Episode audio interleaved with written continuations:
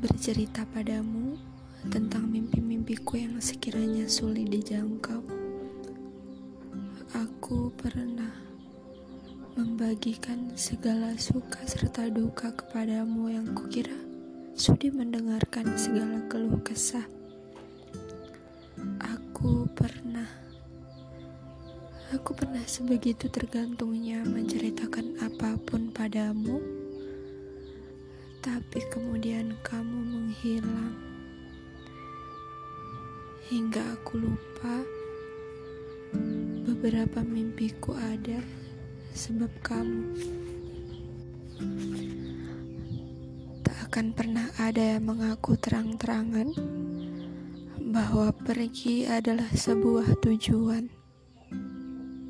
Terlebih itu kamu orangnya Penyangkalan adalah kelihayan yang selalu kamu tampakkan, seolah membuatku menjadi yang paling patut dikasihani.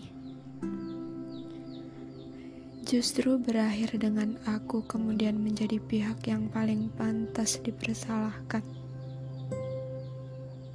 Dan kamu melenggang dengan segala pembenaran yang mereka mulai kemukakan. Membencimu adalah keharusan yang sepatutnya kubuat nyata.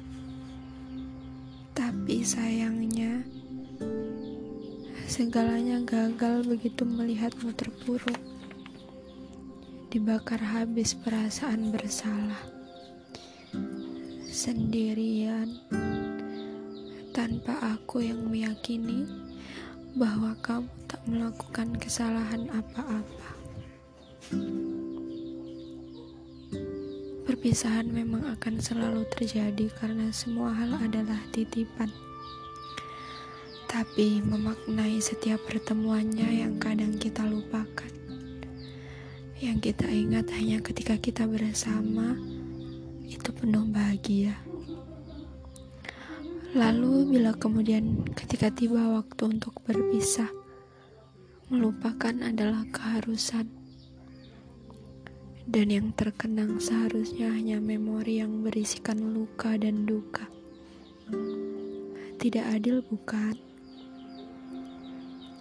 Saka mengambil banyak bagian dari hatiku, menyisakan sedikit tempat untuk aku berikan pada orang lain.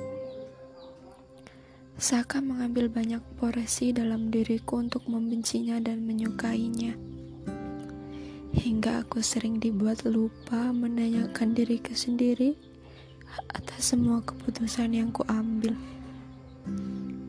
Aku bersamanya seolah menjadi berkuasa atas waktu, tapi tak berkuasa atas diriku. Aku terlenakan dengan semua waktu, tapi lupa untuk sebentar saja mengambil jeda.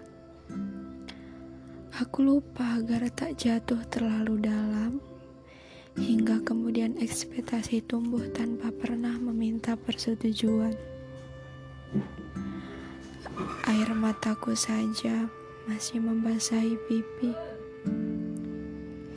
Di satu sisi membuatku merasa lega, tapi di sisi lain membuatku merasa seperti dipecundangi oleh permainan semesta.